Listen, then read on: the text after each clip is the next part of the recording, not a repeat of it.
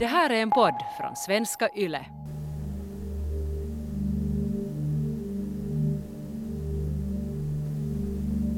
Vissa drag kring överläppen ger ett omisskännligt uttryck av lömskhet och vildsint råhet. Det här ansiktet innehåller hela brottsmålshistorien. Det är ett ansikte för vilket man gärna går ur vägen, även om man inte vet vem det tillhör. Du lyssnar på den finlandssvenska krimpodden om Finlands värsta seriemördare. En berättelse i fyra delar om tolv brutala brott och ett fruktansvärt straff. Berättelsen baserar sig i huvudsak på Johan Adamssons egna vittnesmål. Del 3. En man man inte vill möta. Han hade ett brett och obehagligt ansikte vars tjocka oformliga näsa förskaffat honom öknamnet Vargnos, eller helt enkelt Vargen. Hela karns utseende hade något lömskt, grymt, glupskt, varglikt. Nästan av instinkt gick man ur vägen för denne man. Jag har också varit god en gång, fast det är mycket länge sedan. O, jag var en man för kriget. Jag mördade där för äran. Och allt detta blott för det att människorna från barndomen utstött honom ur sin krets. För att ingen varelse på jorden sagt till honom Varg, det klappar dock ett mänskligt hjärta i ditt bröst. Kom och bli vår broder, även du. Sakarias Topelius beskriver i novellen Vargen en man från Tavastland som har starka likheter med en tavastlänning som Topelius träffar i verkliga livet, Johan Adamsson.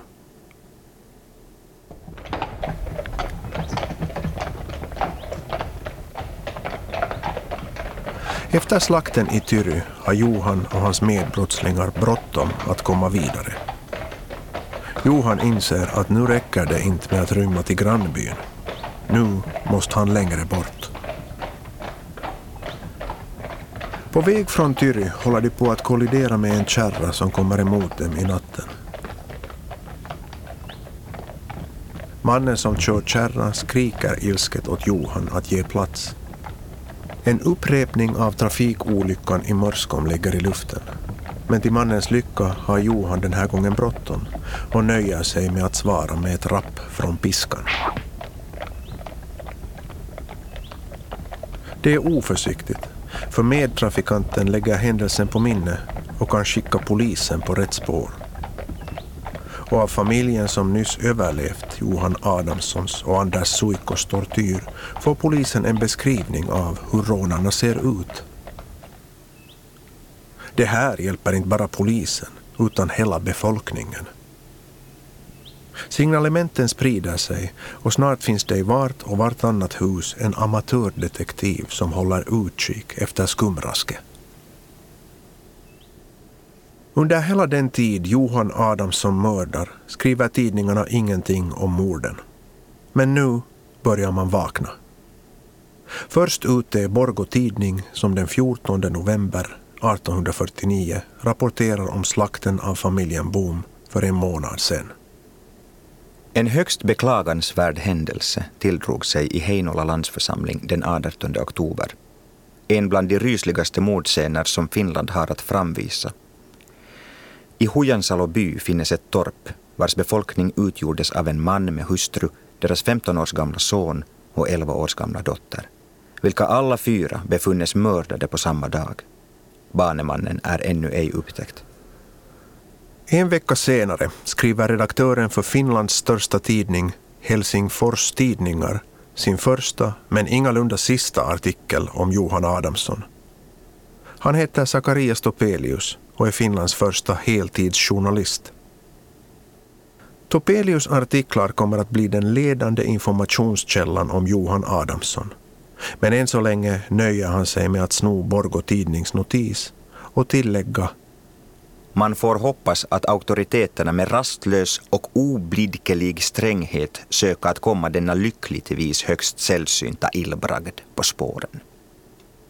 Sakari Topelius muiden ansioinsiensa ohella Suomen ensimmäinen rikosjournalisti kirjoitti tavattoman vetäviä yksityiskohtaisia lähdekriittisiä juttuja Juhani Adamin pojan murhista heti tuoreeltaan. Hänellä oli oikein hyviä informantteja Hämeenlinnan vankilassa ja ilmeisesti myöskin maalaispitäjissä. Ja Kopeliuksen kohujutut tekivät Juhani Adamin pojasta hetkeksi suunnattoman julkiksen, jonka nimi oli kaikkien, ainakin kaikkien Helsingin lukutaitoisten sanomalehtien ostavien säätyläisten huulilla. Sakarias Topelius, Finlands första krimreporter enligt Teemu Keskisarja, gjorde Johan Adamsson till en rikskändis. Sakarias skrev och prästerna spred. I mitten av 1800-talet är det prästerna som informerar folket. Tidningarna läses i huvudsak av de högre socialklasserna, av dem som kan läsa och av dem som kan svenska. Gudstjänsterna fungerar som informationstillfällen för folket. I slutet av gudstjänsten läses det upp allmänna förkunnelser, bland dem meddelanden om fanstyg på orten. Det drar folk till kyrkan. Men i många församlingar klagar man på att en stor del av kyrkbesökarna står utanför kyrkan och super tills gudstjänsten har framskridit i förkunnelserna och brottsnyheterna. De som inte orkar släpa sig till kyrkan får informationen av de gudfruktiga som deltar i gudstjänsterna. Det säger sig självt att nyheter som genomgår så många kanaler blir mer och mer dramatiska. Johan Adamsson blir Kerpiekari, skarprättaren som tagit livet av 39 personer, bland dem många havande kvinnor. Han drivs nämligen av tron på att ätandet av ofödda barns hjärtan ger honom vingar.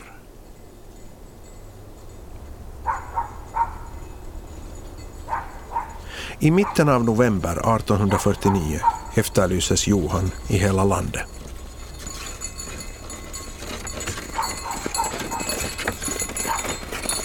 Det som gör flykten svårare för Johan är att han inte är den typen som gömmer sig i skogen.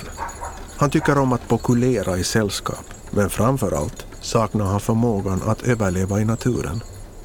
Han kan inte bygga hyddor eller vindskydd. Han kan inte konstruera fällor, han kan inte läsa väderstrecken i naturen och han undviker att sova i lador eller under bar himmel. Han måste helt enkelt få hjälp av folk. Och hjälp får han. Hämäläisten ihmisten avuliaisuus sarjamurhaaja Juhani Adamin pojalle on, on kummallista. Ei hän ollut erityisen iso mies, ei, ei kummosesti aseistautunut, eikä hänellä ollut ympärillänsä mitään, mitään koplaa. Kuitenkin yllättävän monissa mökeissä hän sai paloviinaa vähintäänkin ostetuksi, hän, hän sai aterioita yösiään, e, eivätkä ihmiset ilmiantaneet häntä nimismiehille etsintäpartioille. Ehkä hänessä oli sitten jotain viehätysvoimaa tai se oli hy- hyvä, hyvä, hyvä supliikki ja jokin ominaisuus, mikä ei, ei täysin pääse oikeuksiinsa ruotsinkielisissä käräjäpöytäkirjoissa. Mutta ne ei pelännyt häntä. Ei ainakaan niin paljon kuin otaksuisimme.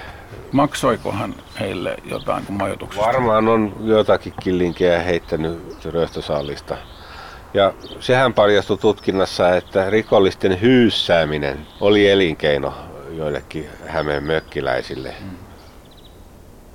Teemu Keskisarja fattar inte varför människor går med på att hysa Johan, det vill säga ge honom husrum. Uppenbarligen är de inte rädda. Kanske Johan har ett vigt munleder.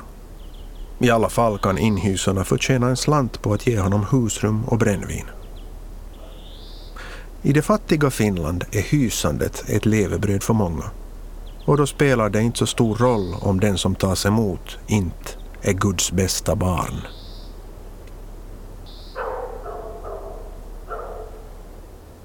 Det är inte heller otänkbart att den stora fattiga delen av befolkningen i klassamhället Finland, det vill säga majoriteten, lever i så usla förhållanden att de helt enkelt inte bryr sig.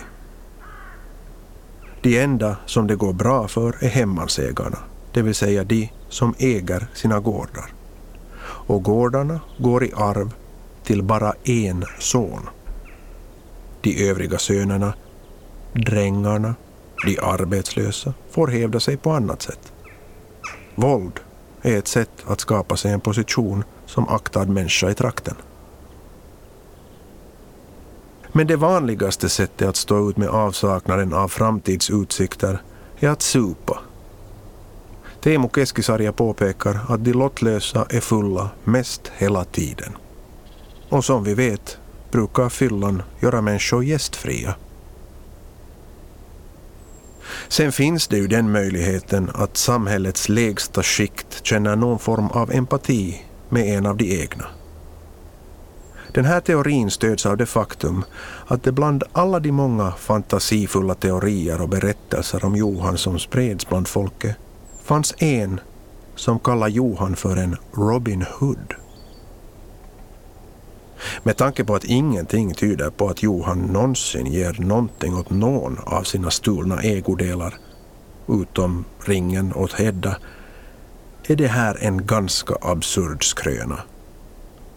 Han till och med säljer stöldgods och en häst åt sin medbrottsling Anders Suikko som själv var med när sakerna och hästen stals. Än mer absurd blir skrönan av det faktum att Johan aldrig stjäl från de rika, än mindre mördar dem. Juhani Adamin poika ei murhannut yhtään säätyläistä, ei yhtään virkamiestä, ei yhtään vihaton ruotsinkielisen esivallan edustajaa, vaan vain ainoastaan köyhiä torppareita, talonpoikia, työmiehiä, omaa kastiansa. Men i den egna sociala klassen är han synnerligen demokratisk. 12 murhaa olivat niin monipuolisia. Hän tappoi tuttuja, tuntemattomia, päissään, selvinpäin, ryöstämistarkoituksessa, pikastuksissa ilman syytä. Hän tappoi kaiken ikäisiä, molempia sukupuolia.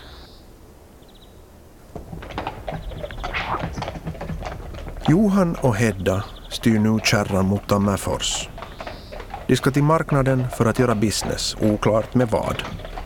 Från Tammerfors ska de fortsätta till Österbotten, köpa en båt och med den ta sig till Sverige.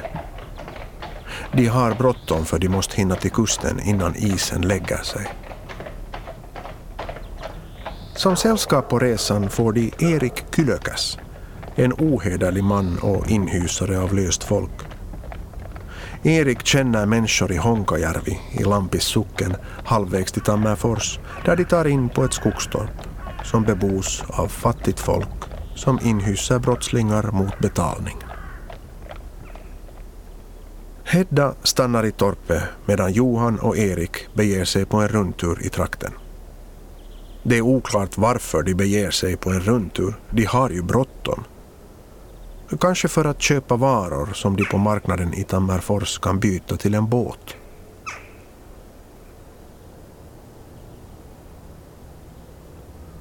Måndagen den 19 november dyker Johan och Erik upp i byn Vesijako i Lampis grannsocken Padasjoki. De tittar in i flera hus och förklarar att de köper skinn och småfåglar. Johan berättar att han är gårdfarihandlaren Lindros, ibland bokföraren Lindros från Tavastehus. Johans skådespelartalanger har sina brister han är inte trovärdig. En orsak till det är att han roddar mellan sina alias och vid samma tillfälle kan kalla sig gårdfarihandlare Lindros och gårdfarihandlare Helenius om vartannat.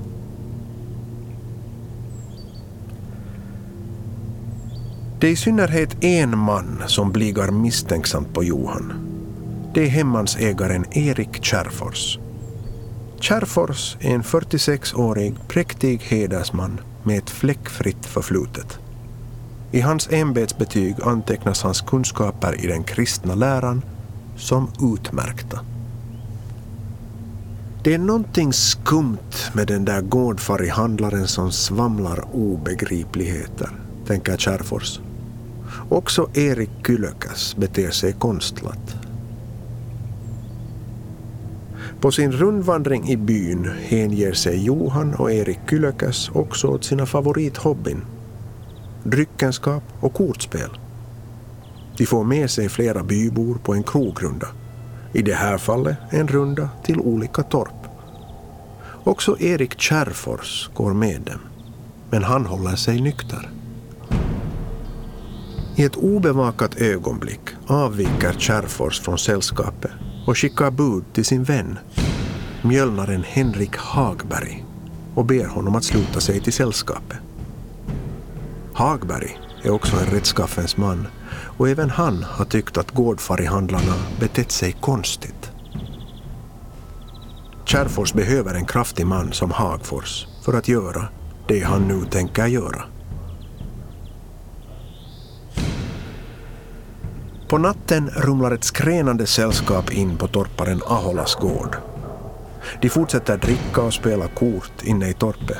Ingen orkar mer att tänka på affärer. Efter en stund vinglar mjölnaren Henrik Hagberg in. Han är full, eller låtsas vara full på Erik Kärrfors inrådan, för att smälta in i den lulliga församlingen. Lite senare stiger också Erik Kärrfors och torparen Benjamin Svartnäs in i torpet. De är så nyktra och allvarliga att Johan stelnar till. Han tappar ett kort på golvet men gör ingen min av att ta upp det. Efter en stund stiger han sakta upp och tar några osäkra steg mot dörren. Erik Kärrfors lägger sin stora näve på Johans axel och säger här möts vi då igen, bäste gårdfarihandlare. Hagberg griper bakifrån tag i Johan. Johan gör ingenting trots att han har en kniv hängande i bältet. Kärrfors auktoritet tystar sällskapet. En uppskrämd Erik Kylökäs sitter stilla på sin plats medan männen börjar binda Johan. Då reagerar Johan och börjar rabiat att slå sig fri. Han är stark som en oxe. Kärrfors lyckas få resten av kortspelargänget med i brottningen och nu är de åtta mot en och Johan övermannas. Kylökäs gör fortfarande ingenting. Kärrfors och två av hans nyktra drabanter för Johan till Hagbergs kvarn. På vägen slänger sig Johan på marken och försöker komma loss från repen han bundits med. En ny brottningsmatch äger rum. Den slutar på samma sätt som den första. Johan övermannas. Nu försöker Johan köpa sig fri. Det lyckas inte.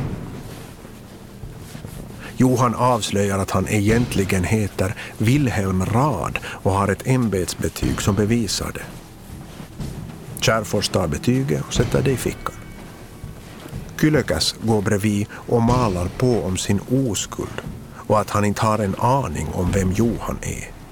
Det hjälper inte upp Johans situation. Johan spottar ur sig att Kärrfors ett konsortes kan vara glada att de ännu är vid liv. Sen lyckas han gräva fram en näve silverslantar ur byxfickan och slänger den på marken. Tanken är att hans väktare ska stanna upp för att samla upp dem. Det gör de inte. I gryningen för Erik Kärrfors och Henrik Hagberg sin fånge till Tavastehus till länsmannen Ture Wilhelm Böök för förhör. Förhören slutar inte väl för Johan. Han försöker förstås med den ena lögnen efter den andra. Men lögnerna är så uppenbara och desperata att de snarare styrker det som länsmannen anar. Nu har de seriemördaren.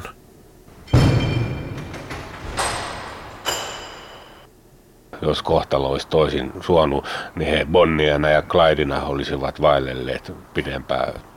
Teemu Keskisarja målar upp en romantisk bild av hur Johan och Hedda hade fortsatt sin desperata flykt om Johan inte hade gripits. Keskisarja är övertygad om att Johan Adamsson hade fortsatt mörda om han fått en chans till det. Han var inte klar.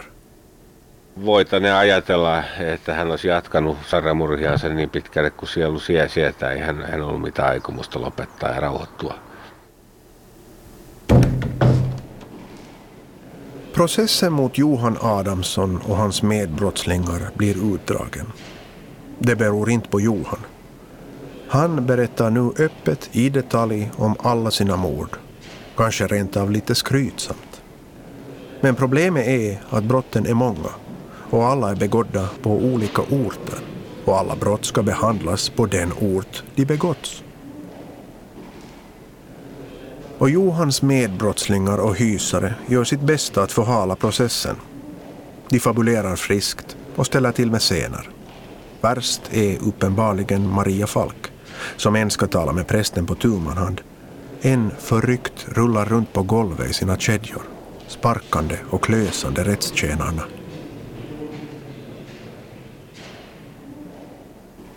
Den 8 december 1849 publicerar Zacharias Topelius sina rön om Johan Adamsson i en fyllig artikel.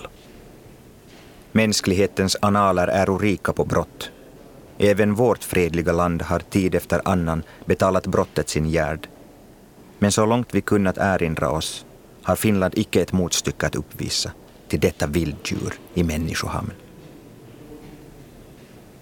Efter det berättar Topelius i detalj om Johan Adamssons skräckdåd och avslutar Gärna ville man till mänsklighetens heder antaga att upphovsmannen till så gräsliga brott handlat ofrivilligt under inflytande av en av dessa olyckliga monomanier som man stundom sett hos människan väcka den djuriska törsten efter blod.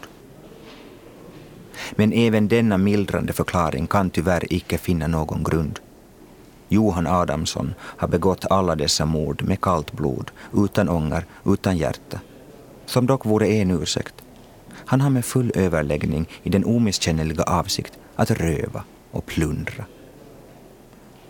Blott för ett nidningsdåd, det förfärligaste av alla, det för vilket hans närmaste anhöriga blev ett offer, måste man antaga en annan bevekelsegrund. Ett onaturligt hat. Topelius har alltså snabbt klart sin analys av Johans motiv. Johan är ond. Han mördar inte av infall. Hans brott är överlagda. Han vill döda. Enda undantaget är morden på sin familj, som Topelius slutar sig till att ha skett i hat. I övrigt är det kylan som styr. I Vintertinget i Heinola får Johan frågan om han drivs av en njutning att döda och se blod. Han svarar att det speciellt under flykten pyrt en inre förskräckelse, sisäinen kauheus, i hans huvud. Och i fängelset i Tavastehus, där Johan sitter mellan tingen, gör läkaren Fredrik Konstantin Kruskopf en sinnesundersökning av honom. Sinnesundersökning är lite för mycket sagt.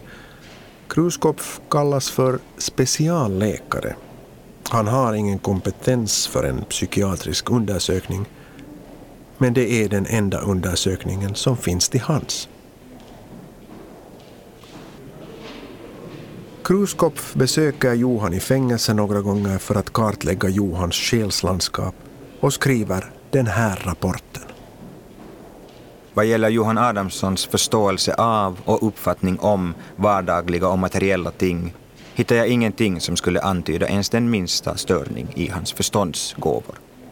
Däremot lyser det redan i hans ögon att han saknar full förståelse för allt som har att göra med religion, moral och sedlighet.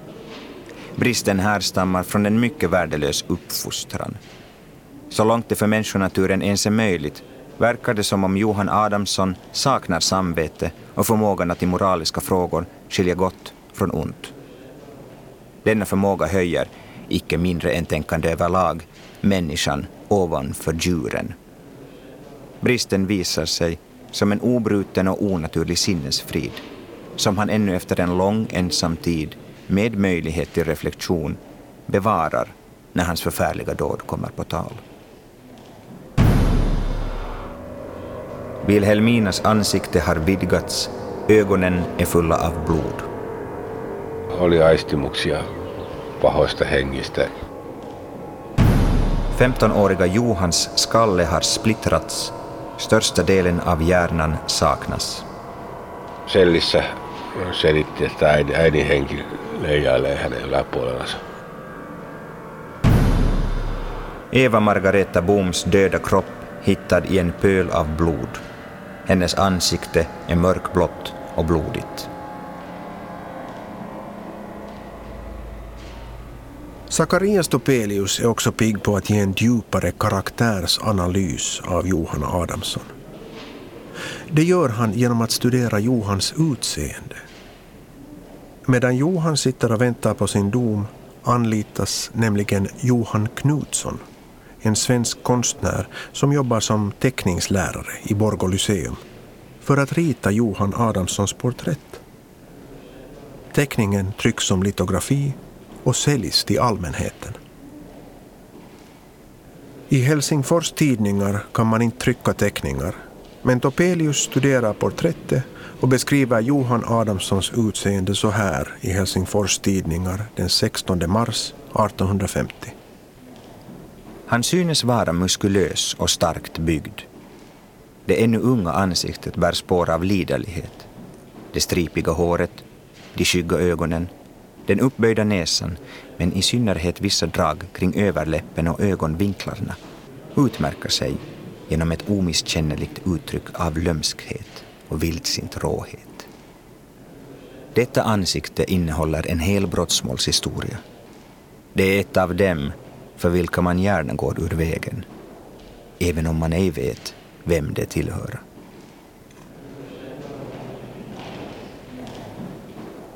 Den långa turnén i socknarnas tingsrätter startar i januari 1850 och avslutas ett drygt år senare. Allt undersöks noggrant och det räcker sällan med bara ett besök i de olika tingen. Tillströmningen till tingssalarna är enorm.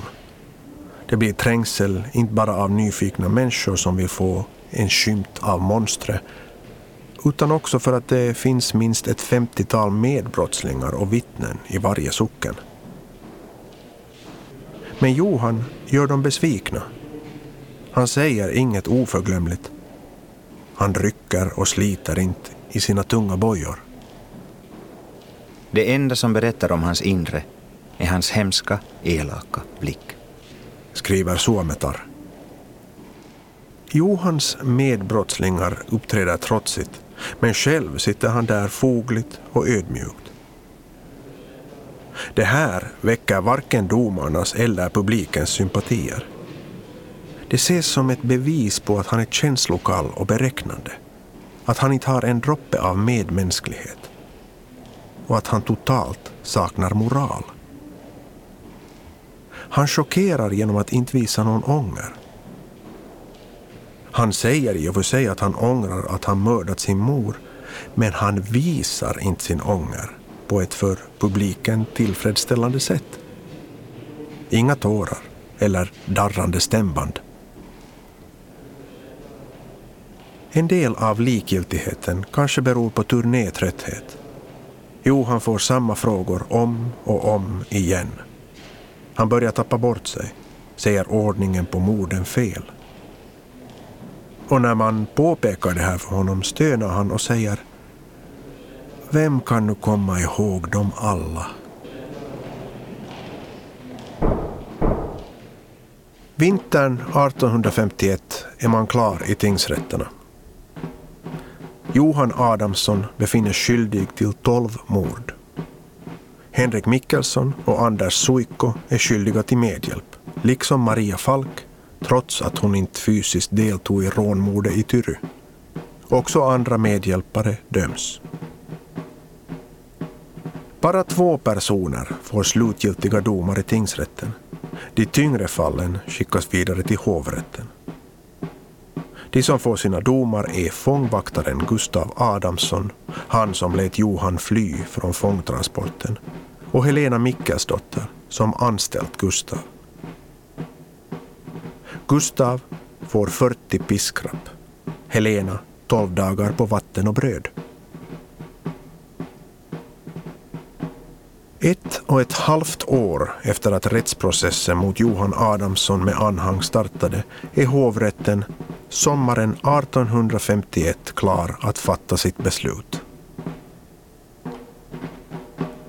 Gustav Kratula, han som lockade Johan till hans första mord, bestraffas inte alls i brist på bevis. Också Adam Fix, som Johan i rätten utpekat som den som ledde in honom på brottets bana, klarar sig än en gång skickligt undan straff, liksom alla Kölkebor. Johan Kangara, Maria Falks man, slipper också lätt undan. Han bötfälls för försäljning av brännvin. Ett tjugotal människor som inackorderat Johan eller umgåtts med honom döms till att pryglas eller gisslas och betala böter. Har man inte pengar får man en några dagars vatten och bröd-diet. Överraskande nådig är domen mot Johan Adamssons kära, Hedda Svärd. Det finns inga klara bevis för hur hon deltagit i planeringen av rån och mord. Svåra frågor duckar hon galant undan genom att berätta att hon var full under hela romansen med Johan, vilket knappast är så långt från sanningen. Hon döms att gisslas och efter det bekänna sina synder i kyrkan i Lampis. Efter det ska guvernören fixa en plats åt henne, sannolikt i spinnhuset i Åbo.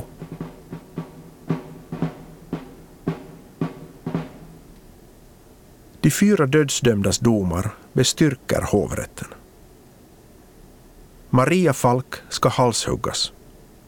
Anders Suiko ska mista sin högra hand och halshuggas. Samma gäller Henrik Mikkelsson. Johan Adamsson döms att mista sin högra hand, halshuggas och steglas. Alla fyra ska utan heder begravas utanför kyrkogården. Det är kutym att inte verkställa hovrättens avrättningsdomar. För ett kvarts sekel sedan, år 1826, hade den sista avrättningen under fredstid skett i Finland. De dödsdömda kunde räkna med benådning eller mildare straff i följande instans, det vill säga senatens juridiska avdelning, motsvarande dagens högsta domstol.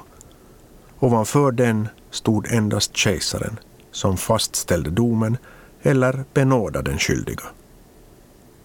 Benådningen innebar för det mesta livslångt straffarbete i Sibirien. Som väntat låter senaten Henrik Mikkelsson, Anders Suikko och Maria Falk behålla sina huvuden och händer sedan de anhållit om benådning. De får maximibeloppet piskrapp, en tid i skamstocken och landsförvisning på livstid. Henrik och Anders får ta med sina hustrur i landsförvisningen och Anders också sin sexåriga son. Om Johan Kangara var intresserad av att följa med sin fru Maria Falk i landsförvisning förtäljer inte historien. Ingen av dem återvänder någonsin till Finland. För Johan går det värre. Också han anhåller om benådning. Men senatens juridiska avdelning är inte så benägen att låta Finlands historias värsta mördare komma så lätt undan. När Johan tillfrågas om han vet vad för straff han har att vänta säger han att han mycket väl vet att han kommer att deporteras till Sibirien på straffarbete för resten av sitt liv och att det passar honom bra. Den här uppnosigheten retar upp senaten. Han ska få ett straff som känns. De stöter och blöter ärende och beslutar att avvika från praxis gällande dödsdomar. Senaten fastställer hovrättens dom och bryter beslutet att inte mera avrätta folk. De beslutar att på riktigt avrätta Johan. Nu var det upp till kejsaren. Nikolaj den första informeras i detalj om Johan Adamssons mord och otäcka personlighet. Och kejsaren lutar mot att följa senatens vilja.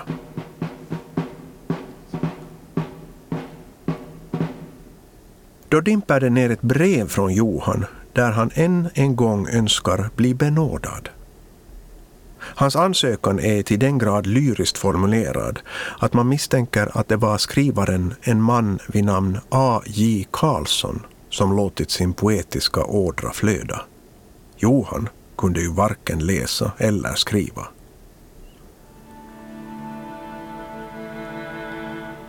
I sin bedjan om nåd önskar Johan tyngsta möjliga arbete i Sibirien så att han med sin av Gud förunnade starka kropp får sona för sina synder.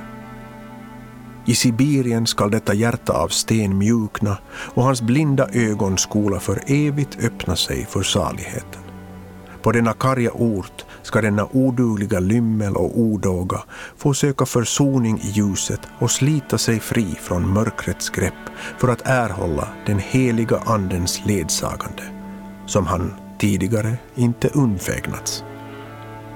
Johan skriver att han givetvis ödmjukt tar emot vilket straff som helst men sörjer över att oförberedd vara tvungen att gå ur tiden i vetskapen om att han då, efter den jordiska vandringen, inte hade något hopp om frälsning. Av denna orsak hoppas han på att få fortsätta detta eländiga liv. Nikolaj är tydligen ingen vän av poesi, för denna ödmjuka ansökan om nåd biter inte. I november 1852 fattar kejsaren sitt definitiva beslut. Definitivt, om än lite kryptiskt. Nikolaj fastställer dödsdomen men den får inte verkställas. Hur det här går ihop får ni veta i den fjärde och sista delen av den finlandssvenska krimpodden om Finlands värsta seriemördare.